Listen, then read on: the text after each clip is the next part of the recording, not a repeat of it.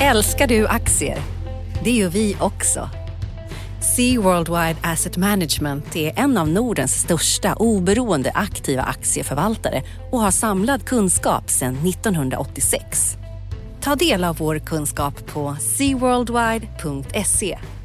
Bokstaven C worldwide.se.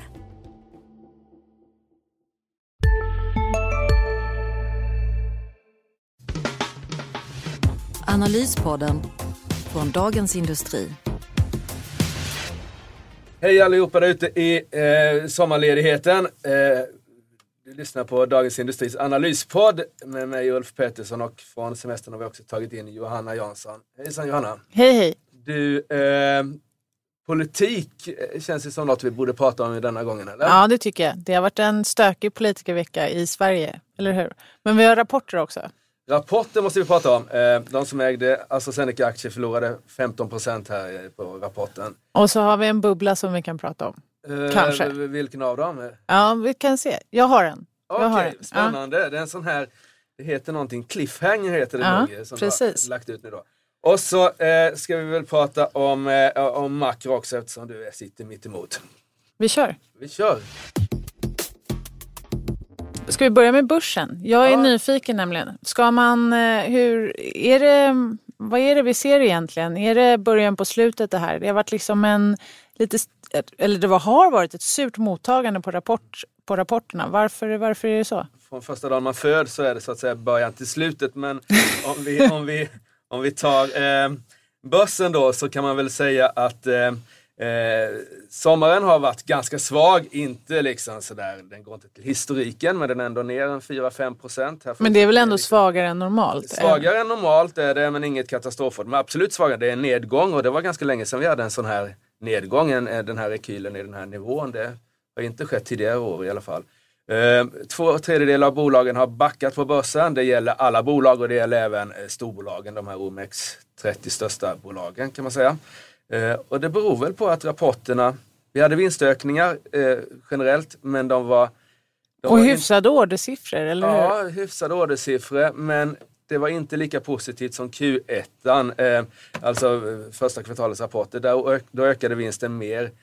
Och framförallt så tror jag man har liksom börjat lägga in lite dollar, dollarförluster i nästa års Excel. För dollarn tappar. Dollarn tappar och eh, det är klart att det finns ju bolag som, som tjänar pengar på det, H&M och sånt där exempelvis. Men överlag så är det negativt för, eh, för Stockholmsbörsen. Ja, för de har haft en skjuts av den här svagare valutan trots allt. Ja, vi har ju en export, Mm. mycket exportbolag här. När det gäller dollarn, den är ju på den svagaste nivån på ett år nu ungefär om man tittar mot euron som är liksom det man brukar räkna med. Men även kronan så har ju hängt med i den här eurostyrkan mot dollarn. Men, och det förstärktes ju i veckan hade vi Fed-besked, ett väntat sådant. Ja. Men eh, det var ändå liksom, de är lite mjukare där på, eh, på andra sidan Atlanten i sin, sin signalering. Och det gör ju att man undrar om vem det är som ska bli liksom förvä- hur förväntningarna ska ändras. ECBs Mario Draghi låter lite mer högaktig och Feds Janet Yellen låter lite mer, lite mer duvaktig då. Lite mindre benägen att höja räntan. Och, och vad, säger, vad säger man nu då där ute? Eh, nu har vi då augusti här snart. Eh, det blir, blir det två höjningar eller vad är det? För det blev ingen höjning här i... Nej, och det var i och för sig väntat att det inte hände någonting här i veckan. För de, det var ju sån här minimöte utan presskonferens och utan nya prognoser. Så det var nog ingen som hade förväntat sig att de skulle göra någonting. Det som är fokus just nu det är dels på vad de ska göra med balansräkningen.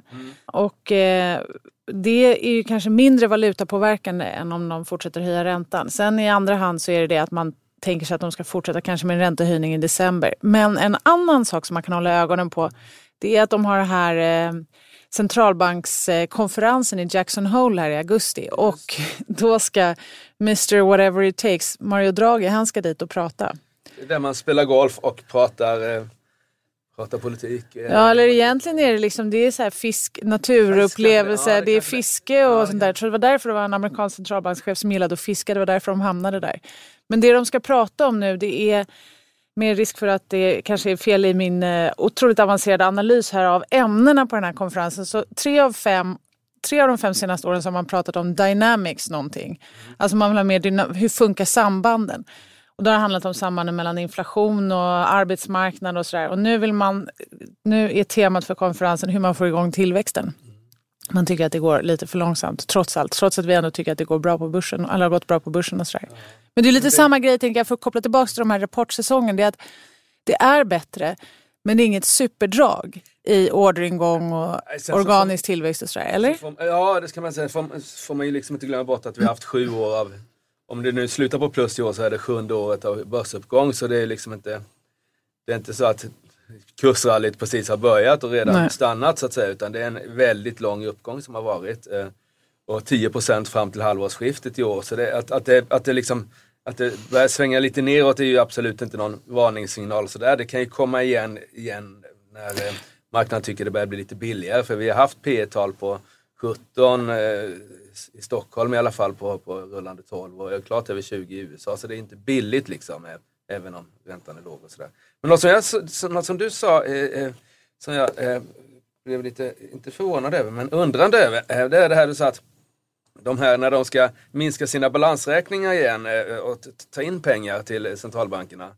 Eh. Eller kanske inte att de tar in, men de ger inte ut lika mycket. Nej, nej okej då. Det är liksom först, men någon gång måste de väl börja ta in också? Eller ska man aldrig göra nej, det? Alltså jag, nej, det tror jag inte. Utan de sitter ju med rekordstora balansräkningar, både ja. Fed och ECB och eh, Riksbanken. Och de har köpt på sig en massa statsobligationer helt enkelt. Ja. Det finns tre sätt ungefär de kan minska ner den här balansräkningen. Måste man göra det? Alltså om vi tar liksom lite ABC, ekonomi ABC eh, här. Vad, måste man göra det eller kan man, liksom, kan man köra på så här? Eh? Att fortsätta tanka in pengar? Ja. Nej, alltså fortsätta tanka in pengar, eller tanka in, men fortsätta köpa obligationer. För ja. dels så tar obligationerna slut, det har de gjort för Riksbanken. Det finns ja. inte så mycket mer att köpa. Sen är det ju det att det är liksom det man gjorde för att man inte kunde sänka räntan mer. Man ville göra penningpolitiken mer expansiv och det här blev liksom som en förlängning av det. Man tryckte pengar. Och nu kanske. behövs ju inte det. Alltså, för nu går ekonomierna bättre, då behöver man ju inte dra på lika mycket så man släpper foten lite från gaspedalen. Mm. Det är det man gör. Och då finns det tre sätt att göra det. Antingen är man superaggressiv och då skulle man gå ut och sälja de här obligationerna. Det kommer inte hända för det skulle bli alldeles för stora marknadsreaktioner. Ja. Sen det liksom mildaste man kan göra det är att man bara låter liksom, de innehav man har, att man slutar återinvestera för fall. Just det. Eh, och det har man redan börjat med i viss mån. Eller det är det man har flaggat då från, eh, från eh, eh, vad heter Federal Reserve redan. Och det är väl det så man kommer börja. Men, och sen någonting ja, mittemellan, precis, då, då kommer ju de här balansräkningarna gradvis krympa när, i takt med att de här obligationerna förfaller. Just det. Och det här tredje, tredje grejen? Ja, det blir väl någon slags mittemellan då, att man kan skifta om, styra med balansräkningen, att man ja, väljer att eh, skifta i, i, längden på de här papperna till exempel. Men, men hur som helst i alla fall så verkar det som att i den här skalan mellan väldigt aggressiv bantning av balansräkningen och väldigt mild så kom, ligger de i den milda skalan. Och Fed har ju redan annonserat då, ungefär hur de ska göra här. Men, men du sa att det inte kommer ha så stor påverkan på, på eh, dollarn tror du inte? Att, att, att, jo men det, det som är grejen är när man tänker på valutamarknaden, alltså det blir lite skillnader i vad som är mest valutapåverkande. Vi såg ju, och då är räntehöjningar, är, liksom förväntningar om räntehöjningar brukar driva valutan och det var det som drev dollarn hela den här förstärkningsperioden som, som vi hade från 2014 egentligen. Mm. Så frågan är så här, nu när förväntningarna då kanske skiftar, om man helt plötsligt börjar titta på ECB, när ska de börja dra ner på sin balansräkning och kanske till och med börja tänka på räntehöjningar? Ja, men är, ska vi då förvänta oss samma förstärkning i euron? Mm.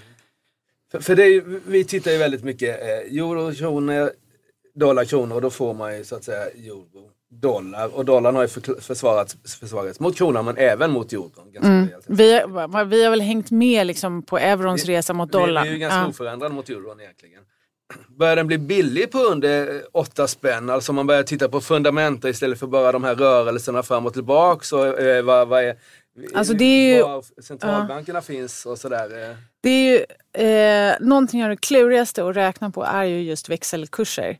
Därför att du ska ha liksom två rörliga variabler som du ska försöka pricka in och få exakt rätt förhållande på. Men, ja. men om man tittar på de bedömningar som finns och om man liksom jämfört med, man tittar kanske på hur ja, jämför med historiska snitt och sådär, ja, men då har dollarn varit övervärderad senaste åren. Så den håller på att rätta till sig kan man säga. Sju spänn är liksom, det är ganska... Det... Sju spänn mot eh, kronan brukar vara en sån här nivå som under det så brukar de svenska företagen börja knorra ordentligt. Jag ja. vet inte om du håller med mig men det är min, eh, det är min bild. Att då ja. börjar man tycka så här, det här är en för stark dollar och där är vi ju inte ens. Det är fortfarande en svag kurs mot dollar. Men förändringen är ju såklart smärtsam när det går så fort som det gör just nu. Och det är klart att den här valutamedvinden som man då har haft för svenska bolag ett tag, den kommer ju på de här nivåerna kommer ju vändas till motvind redan i slutet av året. Ja, ja det, det, gör det. Och det där är ju då inte bra. För tittar man på börsen återigen så kan man då notera att Sverige under sommaren är ner 4 i Stockholm. Eh, eh USA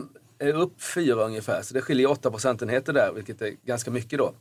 Men det är ju, mycket är ju faktiskt dollarn där, så rensar man lite för den där så blir inte skillnaden lika stor. Men, men eh, så visst har den effekt och det som gör mig, det beror på lite vilken, vilken hur man vaknar på morgonen om man är positiv eller negativ. Då. Men om man vaknar på dåligt humör så, så är det ju liksom en rekyl i USA som kan trigga igång en ny eller en eh, förstärkt rekyl i Stockholm. Och eftersom vi redan har börjat gå ner lite grann så skulle det kunna vara en sån där teknisk sälj. Något, något att ta fasta på för den som tycker det ska gå ner. Men eh, du, eh, vi pratar ju om återköp av obligationer och Jackson Hole och sånt. Men de andra i Sverige har pratat om, om Löfven och det här transportmyndigheten som... Ja, Transportstyrelsens IT-skandal. Ja.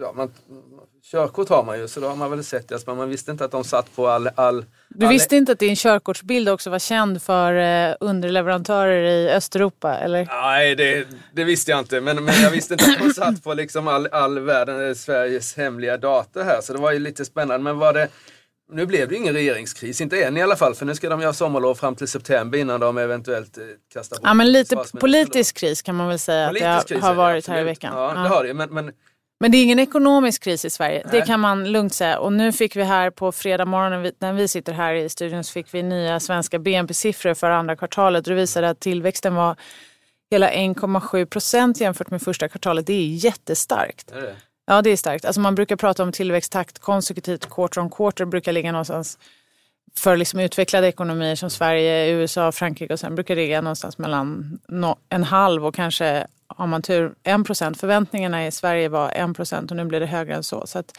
okay. Jättestarka tillväxtsiffror. Nu är det lite klurigt här, precis som för bolagen. Det är svårt att rensa för det här faktum när påsken hoppar mellan ja. första och andra kvartalet och liksom, vad betyder det?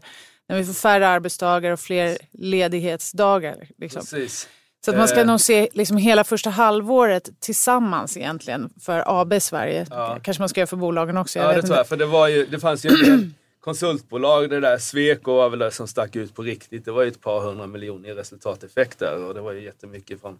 Och det är som sagt var det lite svårt att säga. En, en dag på det gör ju en procent på liksom ett kvartal då. Ja, och det är samma. Det är svårt, det är svårt att göra så även när man tittar på hela landet. Så att, men eh, ändå, även om man tar hänsyn till det så var det ett starkt första halvår. Då. Vi hade ett svagt första kvartal, ett jättestarkt andra kvartal i Sverige. Att, och, vad beror det på? Är det, är det... det som driver fortfarande det är hushållens konsumtion. Vi köper grejer och sen så är det också fasta bruttoinvesteringar som det heter. Och jag gissar utan att ha grottat ner mig för mycket i de här siffrorna att det handlar mycket om bostadsinvesteringar. Det. det är i alla fall det som har drivit ekonomin hittills.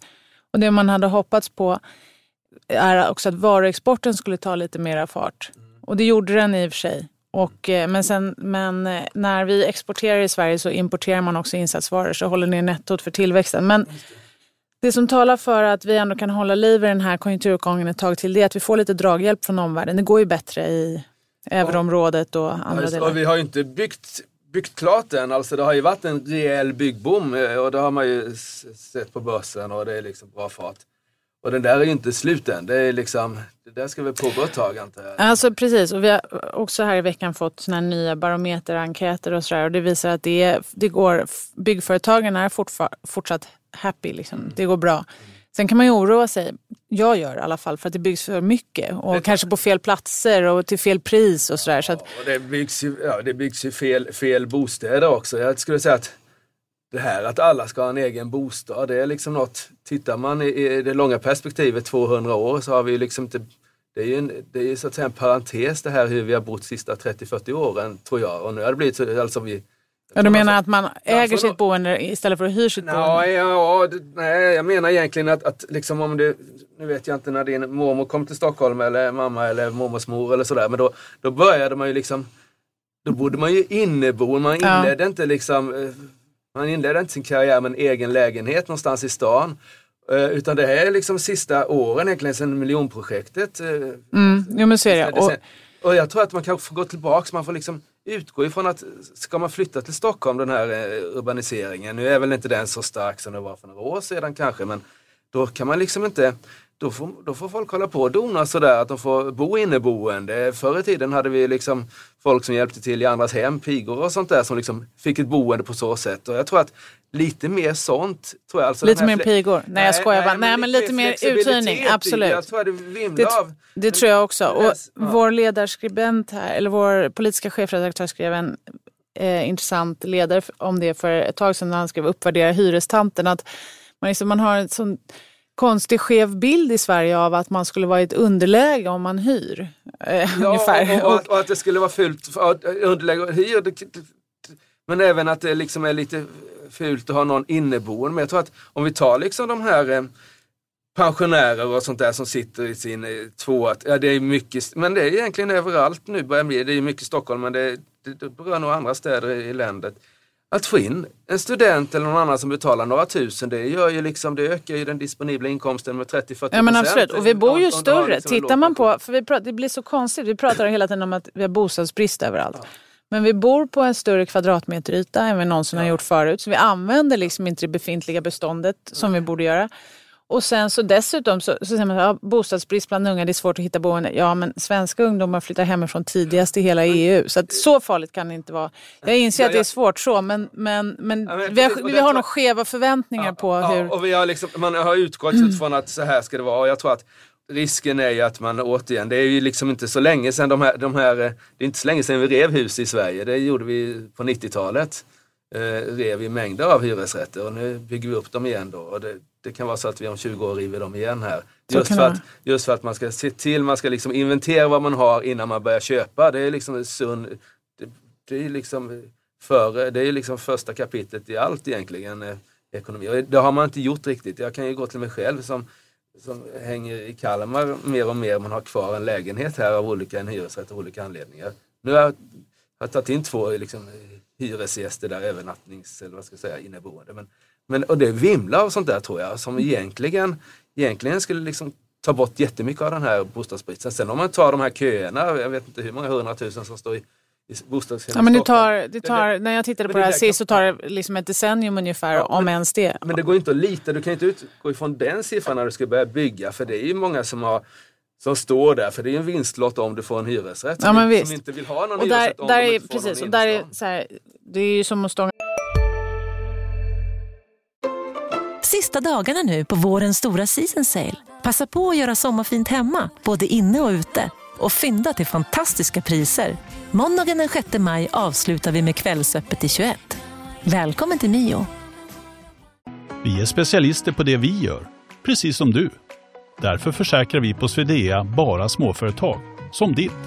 För oss är små företag alltid större än stora och vår företagsförsäkring anpassar sig helt efter firmans förutsättningar. Gå in på swedea.se företag och jämför själv. sin panna blodig och tjata om det, men det är ju för att vi har en reglerad hyresmarknad.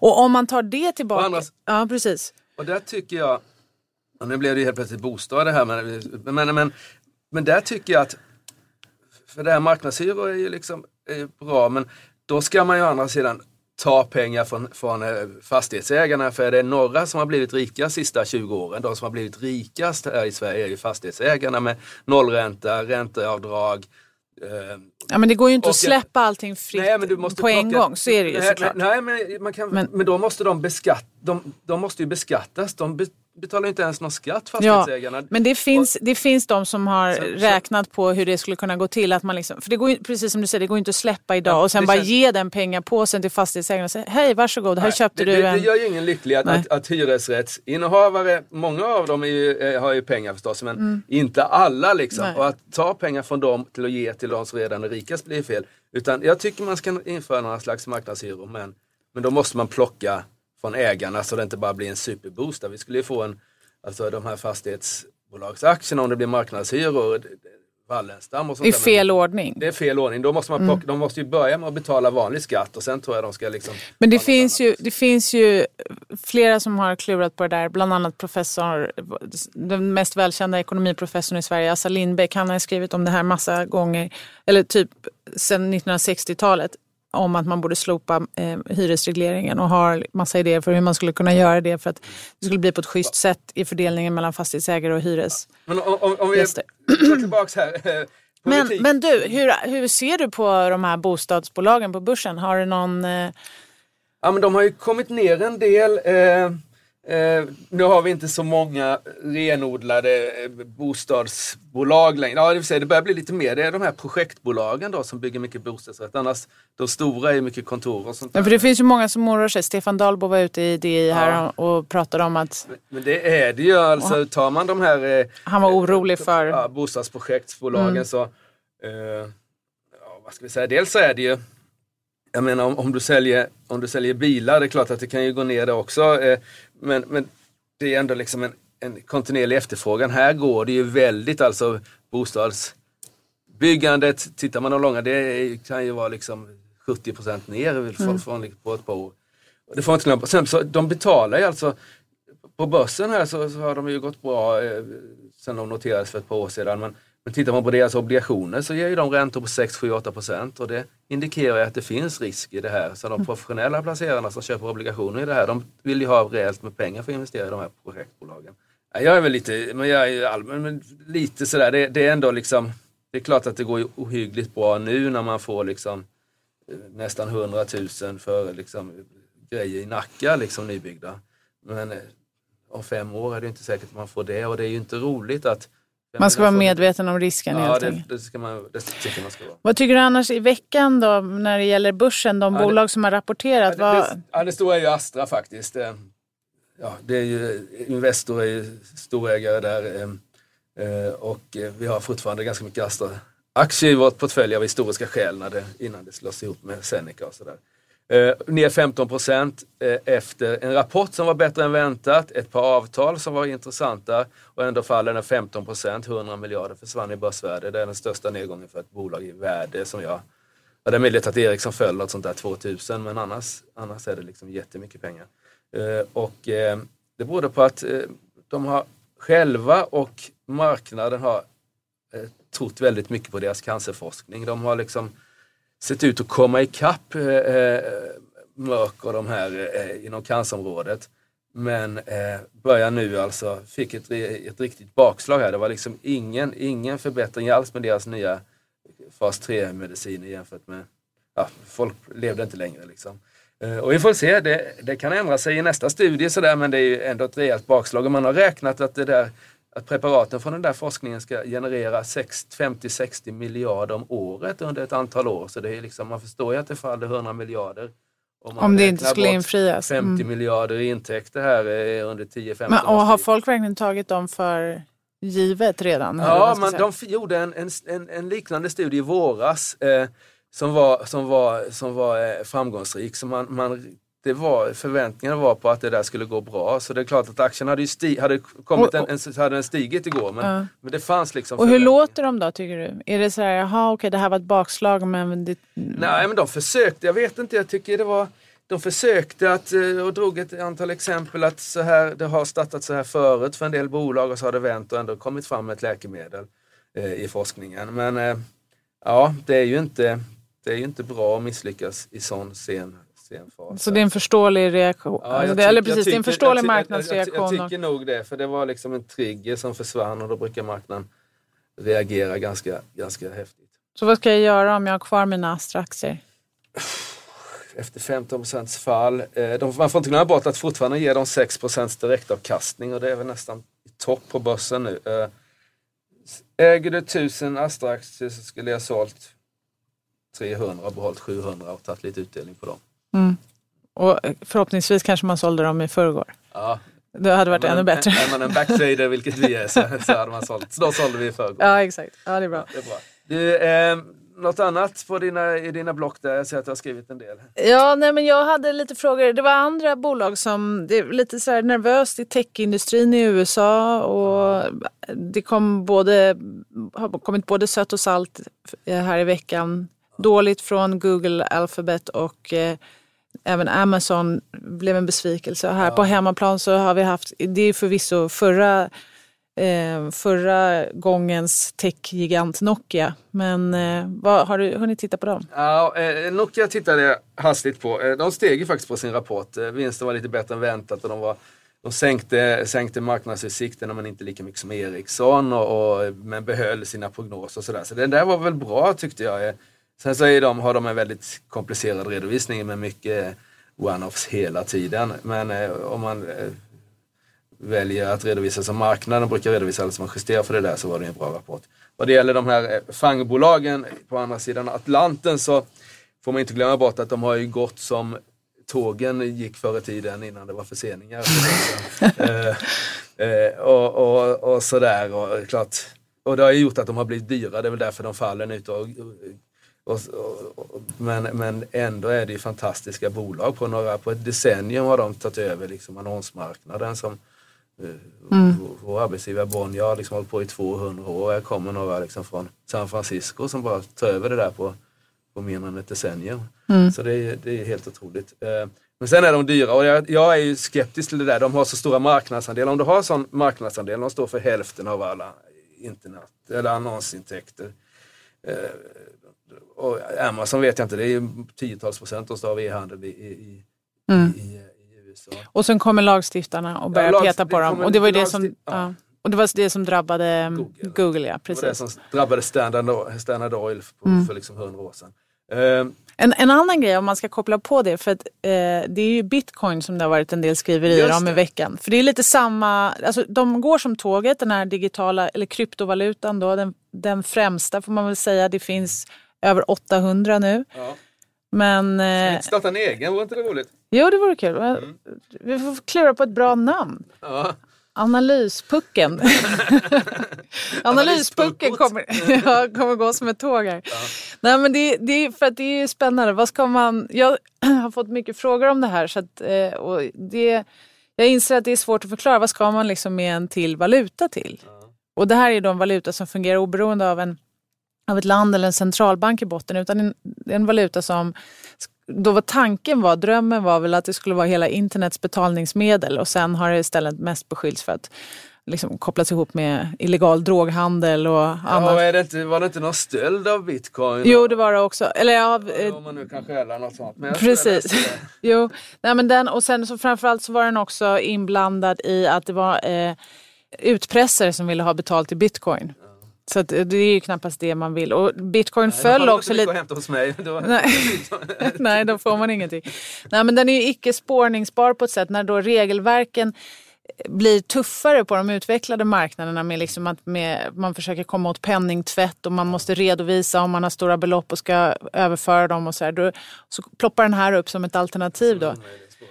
Och, så, och så, det som talar för eller bevisar det här, eller man ska säga, det är att bitcoin då föll oförklarligt här i juli i samband med att man ett myndighetstillslag mot en sån här illegal dark, darknet eh, liksom handelssajt som, eh, där man kan köpa om man nu behöver eh, beställa lönnmord eller droger eller vad man nu ska göra för någonting. Så det är lite sådär.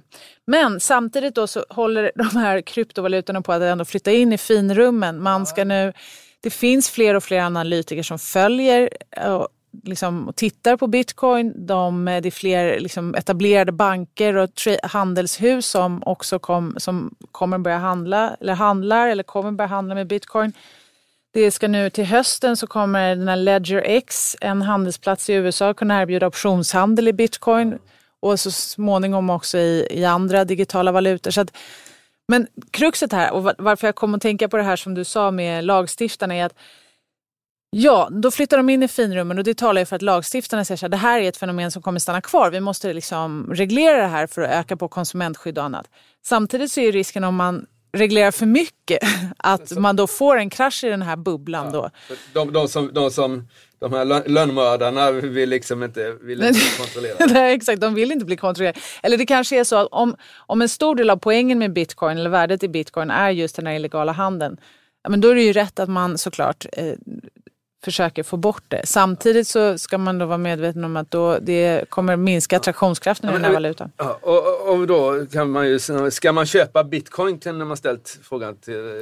Och Ja men Backtraden hade sagt det var en jättebra affär Ja, om man hade gjort det då. För Absolut. den har ju då gått från under en dollar till 2600 Ja. dollar på mindre än tio år. Så Ja, att, och jag, alltså, och för, för någon som liksom har lärt sig debit och kredit, håller på med aktier och eh, kan väl liksom titta lite på valutoräntor också så är det ju fortfarande för mig var, var vad ska man ha den till? Ja, det, Eller? nej, precis. Om du ska mörda folk och det görs det ju så tycker jag det skjuts hela tiden. Så det kan jag förstå. Men, men, men liksom... eh, Men, men efter, alltså det här att, att kommer vi liksom kan det bli som i Zimbabwe att helt plötsligt har vi liksom eh, miljarders miljarders bitcoin? Och, Nej, alltså, eller koden bygger ju på att det inte ska finnas att liksom, det, mängden bitcoin tar slut. Ja, sen, precis. kanske, sen har man ju inte tänkt på att det kommer in då 799 andra kryptovalutor som då fyller en liknande funktion. Och det är väl lite så här, ja, men, frågan är så här, kommer det här bli guld?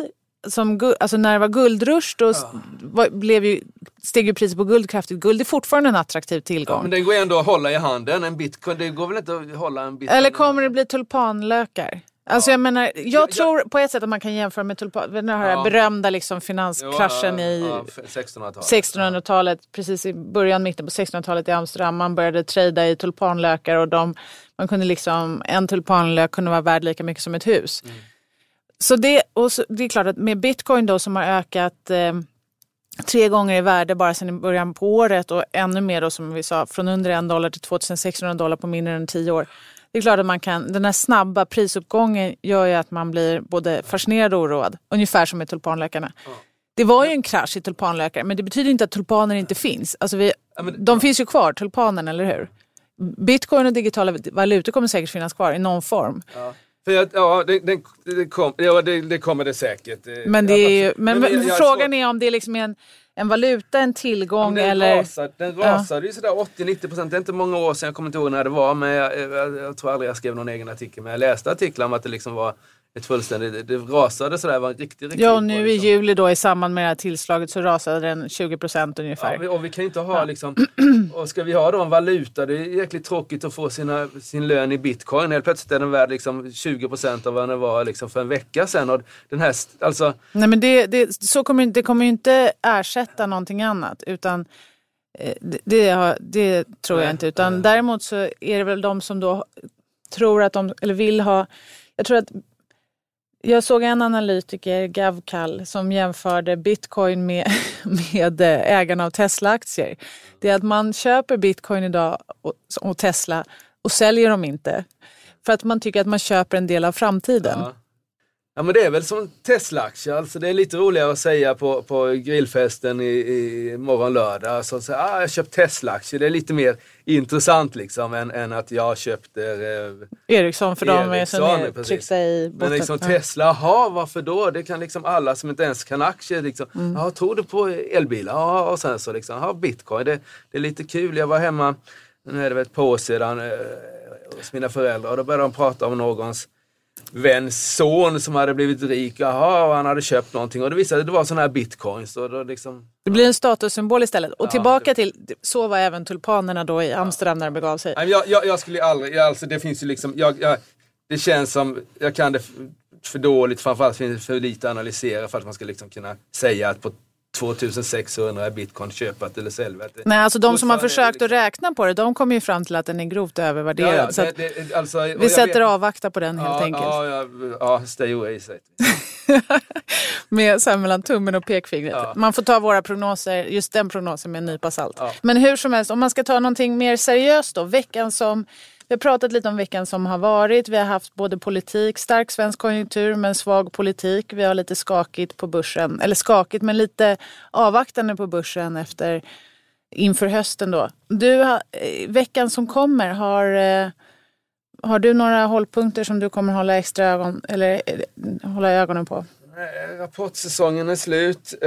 Det blir väl fokus på på din sida av rummet egentligen som ska styra över liksom börs, börsutvecklingen här, konjunkturen, tar den fart? Ja, vi har lite sådana här inköpschefsindex. Ja. Första, första dagen i månaden är alltid inköpschefsindex. Får vi se Ja, hur det går. De ligger väl på, eh, ja det var lite sämre sista månaden. Eller? Ja, det var, nej, alltså det var lite ner men det är fortfarande starka nivåer. liksom- Det är en stark konjunktur. höga nivåer. Men, Ja. men de, Men, eller stark konjunktur. Den har ju liksom, konjunktur, precis som börsuppgången, den hållit på länge men den har inte varit superstark. Den har varit Men seg, kanske- lite seg. Ja, Ja. Som, men det får vi nästan ta i nästa podd. Nu har vi nu tröttat ut våra lyssnare, de få som är kvar här. ja, vi får köra en cliffhanger till nästa podd. Ja. Ja, tillväxten. Eh, vi har ju då, för nu pratar vi liksom USA och Europa här. Eh, Och USA har och för sig en demografisk tillväxt och Europa har väl haft de sista två, tre åren här. Men, Men inte det- framöver. Nej, men de här, de här liksom 1,1-2 procent kanske inte är så dumt. Det här som vi pratade om, liksom tre förut kanske är liksom Nej, men så är det nog. nya två. Liksom. Så är det nog. Men det får vi ta i nästa podd. Det som man kan ta då ytterligare i veckan som kommer, förutom detta, är ju,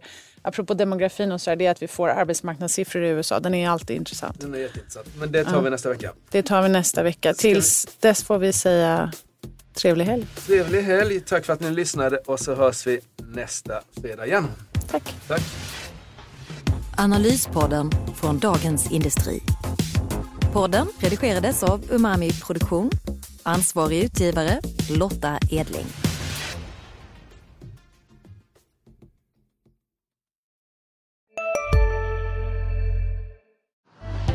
Älskar du aktier? Det gör vi också. Sea Worldwide Asset Management är en av Nordens största oberoende aktiva aktieförvaltare och har samlad kunskap sedan 1986. Ta del av vår kunskap på seaworldwide.se. Bokstaven C, worldwide.se